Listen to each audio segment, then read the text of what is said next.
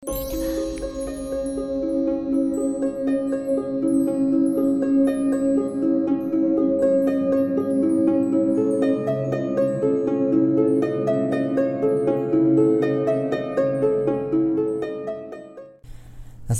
warahmatullahi wabarakatuh. Salam sejahtera untuk kita semuanya. Kembali lagi ini Denny dari Rumah Horor Indonesia. Hari ini seperti biasa kita akan membacakan cerita horor. Dan kali ini cerita horornya berjudul Hantu Sate Pikul. Begini ceritanya. Malam itu hujan turun lagi. Ya, memang bisa dikatakan belakangan ini hujan sering terjadi. Namaku Derva. Malam itu jam 10 aku sedang melakukan perjalanan dari tempatku bekerja menuju Jakarta untuk mengunjungi rumah nenekku. Aku sengaja pergi pada malam hari untuk menghindari padatnya kota Jakarta di siang hari. Orang tuaku dan adikku sudah terlebih dahulu pergi ke Jakarta. Karena aku masih ada pekerjaan yang harus diselesaikan, akhirnya aku pergi sendiri menggunakan bus kota. Pada malam itu, keadaan bus sangat ramai sekali oleh penumpang. Untung saja aku masih mendapatkan tempat duduk. Aku duduk di dekat kaca bis dan di sebelahku ada seorang pemuda yang kelihatannya sedang murung. Pemuda itu mengenakan topi dan juga sesuatu yang mirip cincin namun terpasang di semua jarinya.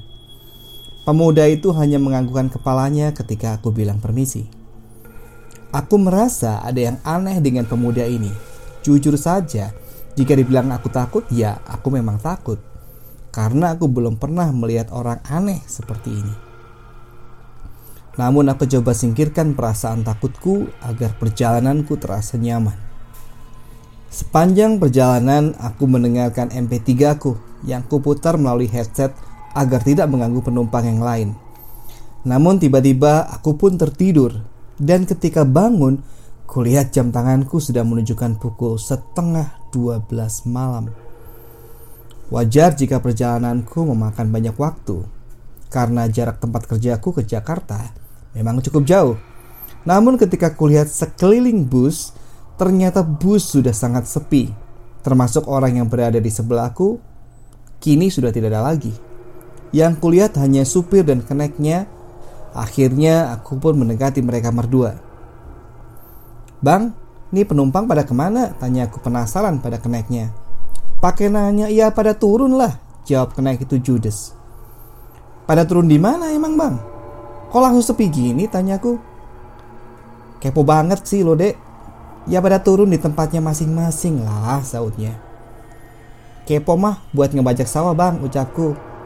Eh somplak itu mah kebo ucapnya sewot. Setelah itu aku kembali duduk di tempatku dan tak berapa lama aku sampai di tempat tujuanku. Setelah aku turun dari bus, aku melihat ke dalam bus itu melalui jendela bus. Dan ternyata aku lihat banyak orang yang berada di dalam bus itu. Aku seketika terkejut karena selama tadi aku di dalam bus, keadaan bus itu sangat sepi dan tidak ada penumpang lain di dalam bus itu kecuali aku, kenek, dan sopir itu. Sementara aku singkirkan pikiran aneh yang dapat membuatku takut. Kulihat jam tanganku sekarang sudah jam 12 malam dan perutku ternyata sudah kelaparan. Aku memilih untuk berjalan kaki ke rumah nenekku karena jaraknya cukup dekat dengan tempatku turun dari bus tadi. Pada saat perjalananku hampir sampai ke rumah nenekku, aku melihat seorang tukang sate pikul yang berjalan ke arahku. Dia membunyikan kentungannya untuk menandakan bahwa dia sedang berjualan sate memang terlihat samar bagiku karena penerangan di sana sangat minim. Namun aku mengenali perawakannya. Dia persis dan memang mirip dengan orang yang duduk di sebelahku pada saat di bus tadi. Karena penasaran dan perutku memang sudah lapar, aku pun memanggilnya. Pada saat dia mendekat, aku langsung memesan 10 tusuk sate memakai lontong. Maklumlah karena ini sate pikul, jadi memang satenya sedikit lebih kecil. Pada saat dia mempersiapkan satenya, aku pun memperhatikannya. Dia memang orang yang duduk di sebelahku pada saat di bus tadi. Dia mengenakan topi yang sama dan jam tangan yang sama. Sama seperti tadi dia selalu saja menunduk dan tidak pernah menatap kepadaku. Rasa takutku sudah hampir mencapai puncaknya. Aku ingin lari, Namun sudah terlambat. Aku tidak enak jika harus membatalkan pesananku. Namun ketika aku melihat apa yang sedang dipersiapkannya, itu bukanlah daging ayam, melainkan jarinya sendiri. Dia membakar dan memotong-motong jarinya sendiri. Seketika aku pun berteriak, sehingga dia menatap ke arahku. Wajahnya tampak hangus dan menghitam. Lalu dia menyeringai kepadaku. Tanpa basa-basi lagi, aku langsung berlari ke rumah nenekku dengan sisa tenaga yang kupunya. Untung saja aku segera sampai ke rumah nenekku. Setelah masuk ke rumah nenekku, ternyata semua orang telah menungguku. Aku pun menceritakan semua kejadian aneh yang kualami tadi dan mereka semua nampak heran karena setahu mereka tidak ada bus yang berhenti di tempat aku turun tadi. Karena memang bus tidak boleh melewati jalur itu. Mereka juga bilang sudah mencoba menghubungiku untuk bisa mengetahui di mana posisiku agar mereka dapat jemput. Namun tidak ada balasan dariku. Dan ternyata aku baru sadar sedari tadi handphoneku nggak ada sinyal. Dan aku ingat aku masih menyimpan karcis bus tadi. Namun pada saat kulihat kembali ternyata itu hanya daun.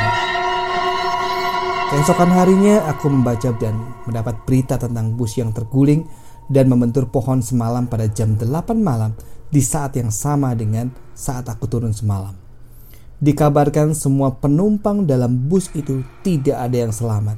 Bus itu terguling dikarenakan jalanan yang licin dan sopir yang mengantuk, sehingga tidak bisa mengemudikan bus dengan benar.